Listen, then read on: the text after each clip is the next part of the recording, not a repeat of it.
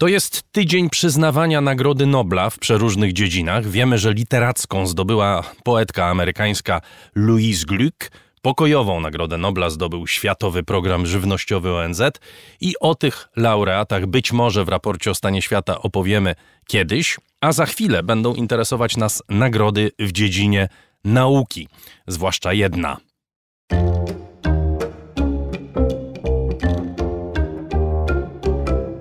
Rożek Urosiaka w raporcie. Doktor Tomasz Rożek jest z nami. Witam cię, dzień dobry. Dzień dobry. Po co i za co przyznaje się Nagrody Nobla w dziedzinie nauki? Teraz czy kiedyś? Bo różnica jest zasadnicza. Gdyby dzisiaj jakimś może genetycznym sposobem przywrócić do życia Alfreda Nobla, to pewnie by się złapał za głowę, ponieważ w zasadzie żaden z punktów jego testamentu, czyli tego miejsca, gdzie opisał dokładnie, jak ma wyglądać przyznawanie nagród Nobla, komu one mają się należeć, w zasadzie żaden z tych punktów nie jest już e, respektowany. Wszystkie one zostały złamane. E, częściowo dlatego, że sama nauka się zmieniła. Kiedyś przyznawano Nagrody Nobla po to, żeby naukowcom dać fundusze na dalsze badania. Dzisiaj przyznaje się je po to raczej, żeby uhonorować ich, ponieważ finansowanie nauki nie odbywa się najczęściej z pieniędzy prywatnych, a nawet jak prywatnych, to nie z kieszeni konkretnej osoby, tylko raczej jakichś fundacji czy towarzystw e, do, dobroczynnych. E, więc e, stąd było moje pytanie. No dobrze, to popatrzmy na ten rok. Y, na przykład na fizykę, jak popatrzymy, to co widzimy?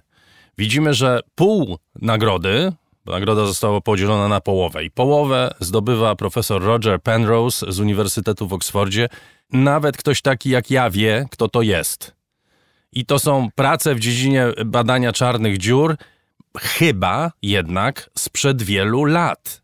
A zatem to jest y, tak jak we wspomnianej przeze mnie we wstępie Literackiej Nagrodzie Nobla. To jest nagroda, która honoruje jego całokształt życia naukowego?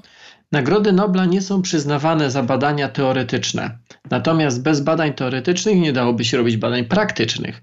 W związku z tym czas temu jakiś um, komitet noblowski doszedł do wniosku, że skoro nagradzamy kogoś, kto coś odkrył, to uczciwiej by było, gdyby część przynajmniej nagrody należała się też komuś, kto stworzył fundament matematyczny, teoretyczny pod to odkrycie. I takich przykładów jest wiele, jak chociażby odkrycie bozonu Higgsa, cząstki Higgsa sprzed kilku lat, ale także tegoroczny Nobel. Rzeczywiście Roger Penrose, zresztą Sir Roger Penrose, przesympatyczny człowiek, e, z którym miałem zresztą okazję kilka razy rozmawiać, on w latach 60. zajmował się teoretycznym udowodnieniem, że takie obiekty jak czarne dziury w ogóle mogą istnieć. On nie jest fizykiem, matematykiem, e, który robi eksperymenty. No, matematycy zwykle nie robią eksperymentów, ale fizykiem, który obserwuje, który robi eksperymenty. On jest fizykiem, matematykiem, który liczy co ciekawe, to do czego doszedł tych um, kilkadziesiąt lat temu już, e, on jak gdyby wyszedł z teorii Einsteina, a sam Einstein nie wierzył w istnienie takich obiektów.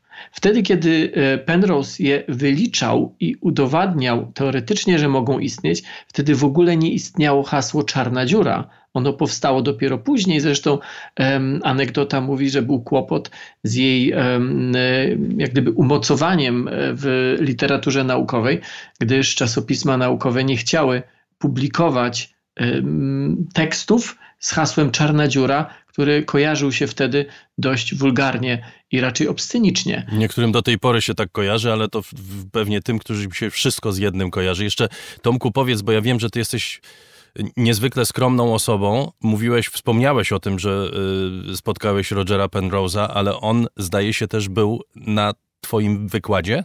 Tak, tak, tak. To był dla mnie dość stresujący moment, bo rzeczywiście. No, domyślam się. Miałem taki wykład dotyczący fal grawitacyjnych, a on także zajmował się falami grawitacyjnymi. To był wykład przy okazji wręczania nagrody między innymi Rogerowi Penrose'owi w Pałacu Prezydenckim przed kilku laty, e, po to, żeby mm, wprowadzić towarzystwo w naukowy klimat, e, poproszono mnie, żebym e, taki kilkunastominutowy mm, no, wykład, taki wstęp, jak gdyby o falach grawitacyjnych zrobił. To jest przygoda, gdy siedzi w pierwszym rzędzie ktoś taki jak Roger Penrose, w drugim rzędzie siedzi, czy w kolejnych rzędach siedzi duża część korpusu dyplomatycznego w Polsce, bo to było wysokie odznaczenie państwowe. Mm, nieco się stresowałem na początku, ale tak jak mówię, on jest bardzo sympatycznym i skromnym człowiekiem, więc e, później mieliśmy okazję porozmawiać chwilkę. Mm, on zajmuje się wieloma rzeczami. Teraz już, między innymi e, z Polakiem, profesorem Meissnerem, zajmują się takim problemem, e, mm, znowu teoretycznie, próbują pokazać, czy próbują sprawdzić, czy możliwe jest to, że wielki wybuch wcale nie był początkiem wszystkiego, e, że te wielkie wybuchy to jest tak trochę taka zabawa cykliczna, że, że wszechświaty istnieją, a później pojawiają się kolejne, jak te poprzednie zanikają, czy powiedzmy no jakoś się za, zapadają może w sobie, albo się rozwadniają, nawet trudno tutaj e, używać słów, bo bo, bo matematyka e, chyba, chyba daje więcej znaczeń e, niż język No ale mówiony. to jednak muszę ci powiedzieć, że to by było nieprawdopodobnie rozczarowujące. Już się zdążyliśmy e, przyzwyczaić do tego, że zaczęło się wszystko od wielkiego wybuchu. Już wiemy, że nic nie wiemy na dobrą sprawę, że pozostają tam te mikrony, sekundy, które są niezbadane i które tak naprawdę decydują o tym, czym był ten wielki wybuch, i nagle się okazuje, że to wszystko y, nie o to chodzi? Nie, to nasze, to, to nasze wszystko rzeczywiście zaczęło się w momencie wielkiego wybuchu, w chwili wielkiego wybuchu i w miejscu wielkiego wybuchu, bo przecież mówimy Aha, o tym. Ale że... mogło być coś jeszcze przed wielkim wybuchem. Ale tak? nasze wszystko niekoniecznie musi być wszystkim, wszystkim przez duże W. Może inne wszystko też gdzieś tam było, będzie, e, tego, tego nie wiemy. Dobrze, Zostawmy drugą część, bo nie starczy nam czasu niestety, więc zostawmy drugą część e, nagrody fizycznej. Tylko wspomnę, że Andrea Goetz i Reinhard Genzel dostali ją za odkrycie jakiegoś takiego super ciężkiego, niewidzialnego obiektu w centrum naszej galaktyki znowu jakiejś czarnej dziury, prawda? Tak, w skrócie, w największym skrócie, po prostu znaleźli to, o czym, o czym Penrose napisał językiem matematyki. Mhm. Znaleźli taki obiekt i udowodnili, że nie dość, że takie są, że on istnieje, to na dodatek y, no, stwierdzili, że on jest w samym centrum naszej galaktyki. Dobrze, chciałbym, żebyśmy trochę więcej czasu poświęcili laureatkom nagrody w dziedzinie chemii, i to są rzeczywiście laureatki, kobiety, co samo w sobie odbiło się głośnym echem, Emmanuelle Charpentier i Jennifer Dudna dostały 10 milionów koron za badania genomu, konkretnie edycji naszego kodu genetycznego. Co to jest za metoda edycji, która została uhonorowana i dostrzeżona przez Komitet Noblowski? Samo to słowo edycji raczej przywołuje nam, e, nie wiem, taki dokument e, na komputerze tekstowy, który możemy sobie wyedytować. Albo dźwiękowy. Jakiś, tak, jak w naszym coś wypadku. przenieść, coś wygumować, coś wsadzić z innego dokumentu i w rzeczywistości tak to wygląda. Ta nagroda jest chemiczna, w tym roku ona jest specjalna, specjalna ona jest e, niespotykana albo, albo bardzo oryginalna z wielu punktów widzenia. E, jednym z nich jest to, że pomiędzy odkryciem a nagrodą minęło zaledwie kilka lat. W przypadku czarnych dziur, w przypadku Penrose'a na przykład, minęło kilkadziesiąt lat. I to grubo kilkadziesiąt, bo on to robił w latach 60. E, nagroda z medycyny i fizjologii za, za odkrycie wirusa e, zapalenia wątroby typu C e, to jest też kilkadziesiąt lat, a tu zaledwie kilka. To jest jak gdyby jedna rzecz. Druga rzecz to jest to, że ona jest Dlaczego ona jest chemii? Można by się zastanowić. E, przecież dzisiaj edycją genów zajmują się raczej genetycy, biolodzy. W przyszłości chcemy, żeby zajmowali się nimi lekarze. Natomiast rzeczywiście najciekawiej jest tam, gdzie te takie tradycyjnie rozumiane nauki fizyka, chemia, biologia tam, gdzie one się łączą, tam, gdzie jest ta granica, tam jest najciekawiej. Zwykle ta granica jest najmniej um, odkryta, najrzadziej eksplorowana, e, więc to też jest bardzo ciekawe. E, edycja genów ona nie wchodząc w detale takie mocno, bym powiedział, genetyczne czy chemiczne, ona rzeczywiście e, tą metodą, ta metoda się nazywa CRISPR-Cas, ona przypomina edycję tekstu, bo czasami też nasze DNA tak sobie je wyobrażamy, że ona jest taką książką, nawet czasami się mówi, że to jest taka książka życia. W rzeczywistości to nie jest taka książka przygodowa, jak um, bierzemy czasami do ręki i czytamy od lewej strony do prawej. To jest raczej, e, bym powiedział, taka książka kucharska, gdzie poszczególne przepisy opisują, jak komórka powinna stworzyć konkretne białka. Te białka to jest budulec, który, który nas tworzy. Mm, problem polega na tym, że po pierwsze te przepisy wcale nie są po kolei. Po drugie, nie do końca znamy język, w jakim one są napisane. Znamy alfabet, ale nie, ale nie do końca znamy język. Nie do końca mamy świadomość, jakie są zasady gramatyczne tego języka. Co więcej, jeden przepis nie jest napisany tak, że tak powiem, tak cięgiem. Kawałek jest go tutaj, reszta jest 50 stron dalej, yy, końcówki tego przepisu w ogóle nie potrafimy znaleźć. Pomiędzy tymi przepisami są jakieś wstawki, jak gdyby z poprzednich wydań, i my nie wiemy, czy to są istotne elementy, czy po prostu drukarz się pomylił i akurat mu tak ze składu wyszło. W skrócie, to jest bardzo, ale to bardzo złożony i bardzo nierozpoznany jeszcze teren. Te dwie panie nauczyły się go edytować bardzo precyzyjnie, choć nie w 100% precyzyjnie, ale nauczyły się go edytować. Stworzyły metodę, która umożliwia wycięcie kawałka takiej strony z jakimś tekstem, na przykład z tekstem, w którym jest błąd, wycięcie go i na to miejsce wklejenie kawałka tekstów bez błędu. Tomku, czyli wykorzystując tą metaforę, której użyłeś, metaforę książki czy metaforę edycji tekstu, one odkryły, w jaki sposób możemy robić Ctrl-C, Ctrl-V, natomiast nie odkryły, bo tego jeszcze nikt nie odkrył, co możemy przenosić i ewentualnie wstawiać w miejsce, do którego przenosimy, prawda? Czyli treść to jest ciągle nieznana, natomiast metoda już istnieje. Dobrze mówię? Ta metoda istnieje od milionów lat, o ile nie miliardów, dlatego że tą metodą posługują się bakterie, na przykład takie, które chcą się obronić przed wirusami, wirusami, które z kolei atakują bakterie. Więc e, one ją zrozumiały, one ją wyciągnęły, że tak powiem, ze świata przyrody i nauczyły się Odkryły, nie stworzyły, tylko odkryły. Tak. E, to, o czym mówisz, e, to jest jeszcze bardziej skomplikowane, bo my musimy mieć świadomość tego, że nasze życie, ono nie jest w całości zapisane w tej książce to, jak wygląda nasze życie, to kim jesteśmy, to, co nam dolega, jak długo żyjemy, zależy oczywiście od tej książki, ale także od wielu czynników innych, takich jak na przykład środowisko naturalne, takie jak nasze otoczenie, pewnym sensie jak nasze wychowanie, do czego nas rodzice nauczą, czego nas nauczą, a czego nie, mm, jak postępować w niektórych sytuacjach, a jak nie.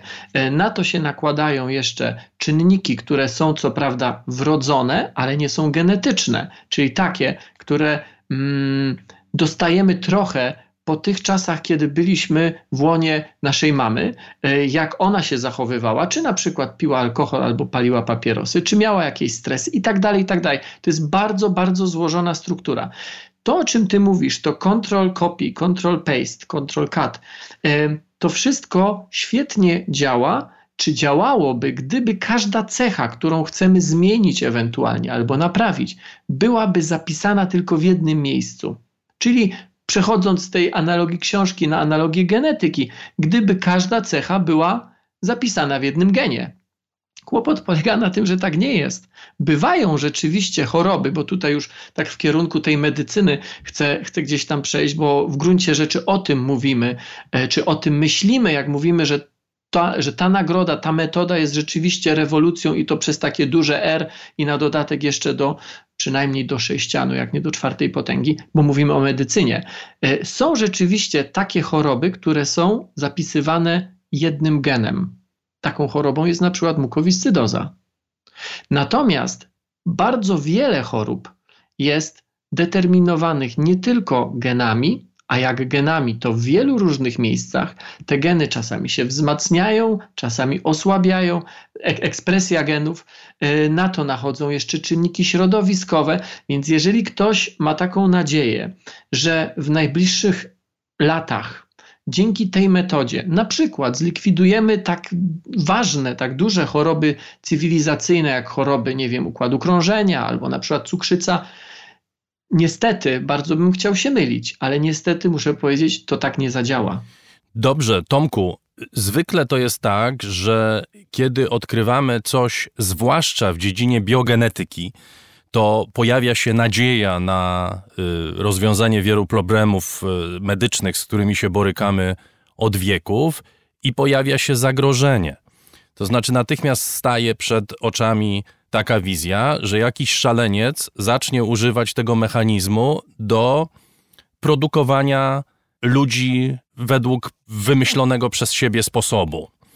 Czy takie niebezpieczeństwo istnieje, a może to już jest praktykowane? Oczywiście, że jest takie zagrożenie. W ogóle w tematach genetycznych, biotechnologicznych wydaje się, że tych zagrożeń jest może więcej, może dlatego, czy na pewno dlatego, że one dotykają tych takich najbardziej e, wrażliwych elementów naszego świata, czyli tego, co mamy zapisane w genach, tego, co wydaje nam się jest tak bardzo nasze, że już nic bardziej nasze być nie może. W rzeczywistości bardzo ciekawym tematem, o którym przy okazji kiedyś moglibyśmy porozmawiać, jest chociażby mm, to, że niektóre firmy sobie rezerwują czy patentują sekwencje genetyczne, które należą do ludzi ale to jest, to, jest, to jest troszeczkę inny temat. Rzeczywiście jest tak, że ta metoda, przez to, że jest stosunkowo tania, jak na mm, e, rzeczy genetyczne, które, które się robi w, w laboratoriach, czy na inne metody, powiedzmy, modyfikacji genetycznych, jest bardzo skuteczna i stosunkowo prosta. Więc ona, e, choć nie bezbłędna, i tutaj dochodzimy chyba do sedna, że choć ona jest skuteczna, ona nie jest w 100% jeszcze pewna. Czy kiedykolwiek będzie, tego nie wiem. I tutaj pojawia się takie stwierdzenie, czy no, zupełnie oczywista jak gdyby konkluzja, skoro to nie jest w 100% pewne, to w takim razie absolutnie nie wolno tego stosować u ludzi. A z drugiej strony ktoś powie, a która metoda jest w 100% pewna? Tu jest cała masa różnych pytań, na które nie znamy, a na pewno ja nie znam kategorycznych odpowiedzi. A czy ta metoda jest konkretnie stosowana? Ta metoda bywa stosowana i ta metoda była już zastosowana y, w przypadku na przykład y, leczenia czy wyleczenia takiej dziewczynki w Wielkiej Brytanii, która miała bardzo taką agresywną formę białaczki. I lekarze w pewnym momencie już rozkładali ręce, po czym stwierdzili, że w zasadzie medycyna jest bezradna. I, i e, rodzice zdecydowali się na wypróbowanie E, zastosowania tej metody e, i rzeczywiście zadziałała. Natomiast najgłośniejszy taki, taki przypadek e, to są Chiny sprzed, o ile się nie mylę, dwóch lat, gdzie jeden z naukowców po prostu zmodyfikował dwójkę dzieci, dwie, dwie dziewczynki, o ile dobrze pamiętam, gdy były jeszcze embrionami i zmodyfikował je tak, przynajmniej tak twierdził, żeby były odporne w ramach eksperymentu to zrobił, żeby były odporne na wirusa AIDS. Na wirusa HIV, przepraszam. I e, czy to mu się powiodło? Nie wiem, dlatego że został aresztowany. E, różnie się mówi o tym aresztowaniu. Niektórzy twierdzą, że zrobił to za plecami no, władz chińskich, w co dosyć trudno mi uwierzyć, bo przecież takich eksperymentów nie robi się w garażu czy w piwnicy gdzieś tam po ciemku, tylko do tego musiał być za, no, zaangażowany w to cały zespół ludzi i to wcale nie jest takie proste mimo wszystko. E, inni z kolei twierdzą, że to jest tak potężna metoda, że po prostu ktoś się przestraszył, że z łatwością można to już zastosować. W końcu są i tacy, którzy mówią tak, że właśnie to jest tak potężna metoda i można z nią robić takie rzeczy, że pewnie teraz pracuje w jakiejś klinice i sprawdza te możliwości w ogóle modyfikowania mm, ludzi w ten sposób, bo teoretycznie da się to zrobić tą metodą, chociaż przez to, że ona nie jest w 100% pewna, a ta pewność czy ta niepewność to jest właśnie kwestia, czy aby na pewno wytniemy to, co chcemy i czy aby na pewno w to miejsce wstawimy to, co tam musi być bo tutaj ta analogia z książką chyba dobrze działa. Jeżeli ktoś czyta książkę i nagle się okazuje, że, że część strony albo część tekstu jest z zupełnie innego miejsca, a nie mamy instrukcji, no, skąd to jest i jak to czytać, to tutaj powstają błędy i my nie wiemy, jak te błędy mogą wpłynąć na życie takie, tak zmodyfikowanego człowieka, albo kiedy mogą wypłynąć. Widzimy, że te nożyce, bo to się też mówi nożyce molekularne czy mo nożyce genetyczne, tak się nazywa tę metodę, one mogą y, działać y, dla naszego dobra, mogą działać dla naszego zła. Ja mam na koniec takie pytanie, które być może nas uspokoi, a może y, nie. Czy my wiemy, jak duża część naszej osobowości jest zapisana w kodzie genetycznym? Czy my wiemy, na ile determinuje nas to, co możemy matematycznie czy genetycznie określić? Pytasz o ciało, czy pytasz o ducha? Pytam o jedno Bo i o drugie. O osobowości, mówiąc o osobowości, raczej mi się to kojarzy z duchem. E, genetyka w ogóle mm, nie potrafi e, i biologia nie potrafi sobie poradzić z mówieniem na temat ducha, na temat osobowości, na temat duszy, na temat charakteru. My podskórnie czujemy, intuicyjnie czujemy, że niektóre z tych elementów, one muszą być jakoś związane z tym e, naszym e, światem biologicznym, czy tym naszym światem fizycznym, są przeciekawe. No, nauka pewnie, naukowcy powiedzą, że wszystko jest zapisane w chemii, prawda? To znaczy, że to wszystko, o czym, o czym mówimy, cała osobowość, jest zapisana w chemii, ale to jest pytanie, które ci zadaję. W neurotransmiterach, które tak pojawiają się czasami pomiędzy, e, w synapsach pomiędzy, pomiędzy komórkami nerwowymi, ale to jest taka trochę ucieczka od, tej odpowiedzi, no bo ja mogę powiedzieć, no ale skąd się tam ta chemia wzięła i czy ona jest gdzieś zapisana. E, więc e, nie chcąc za bardzo uciec od twojego pytania, powiem tak, wszystko zależy i tutaj nie da się dać jednej odpowiedzi, tutaj, tutaj nie można dać jednej odpowiedzi. Są takie cechy, które jak dostaniemy po rodzicach, to choćby nie wiadomo, co się działo, na pewno je odziedziczymy i na pewno je będziemy mieli. Są takie cechy, które, czy takie zestawy, powiedzmy, genów, że jeżeli dostaniemy po mamie, to coś się stanie, jak po tacie, to niekoniecznie, ale są takie, Na przykład co? Są takie, no na przykład kwestia hemofilii, kwestia mukowiscydozy, kwestia koloru włosów już jest bardziej złożona. Natomiast tutaj też e, no, wpływ otoczenia może być, ale to jest raczej wtedy, kiedy mówimy o jakiejś utracie koloru włosów albo, nie wiem, chorobie, o jakiejś sytuacji patologicznej. Natomiast są takie, które są tak złożone, które, na, na które wpływa tak wiele czynników, że bardzo trudno jest określić te proporcje. Pamiętajmy też, że to nie jest taki układ zero-jedynkowy, że jak w, przy, w, przypadku wielu cech, że jak mamy jakiś gen, to się zadzieje, a jak nie mamy, to niekoniecznie. Jest znana e, sprawa aktorki amerykańskiej Angeliny Jolie, która e, mimo tego, że nie była chora, nie miała nowotworu piersi, zdecydowała się na amputację piersi, ponieważ miała skład genetyczny, czy miała skład genów taki, który powodował, że prawdopodobieństwo, że w przyszłości mogłaby go mieć, jest, było stosunkowo duże. Tak przynajmniej twierdziła. Byli lekarze, którzy mówili, um, no to tak nie działa, to niekoniecznie musi znaczyć, że będzie miała raka piersi. To tylko znaczy, że ma większą szansę, dużo większą szansę niż e, średnio kobiety w jej wieku z jej powiedzmy no tam innymi zm, zmiennymi, czyli na przykład trybem życia, nie wiem czy paliła, nie wiem czy piła alkohol i tak dalej, i tak dalej. To jest gra wielu zmiennych i nie da się tutaj powiedzieć w jakim procencie tak ogólnie. W niektórych przypadkach mówi się, że to jest 50-50. W innych wiadomo, że prawie w całości zależy od genów, są i takie, w których w całości zależy od genów. Natomiast być może są i takie cechy, które w ogóle od genów nie zależą. I tu zawieszamy naszą rozmowę. Dr Tomasz Rożek. Zapraszam Państwa do kanału YouTube e, doktora Tomasz Rożka. Nauka to lubię. I zapraszam Państwa oczywiście do słuchania raportu o stanie świata i 3R, czyli Rożka Urosiaka w raporcie. Tomasz Rożek wróci. Dziękuję Ci bardzo. Dziękuję bardzo, miłego dnia.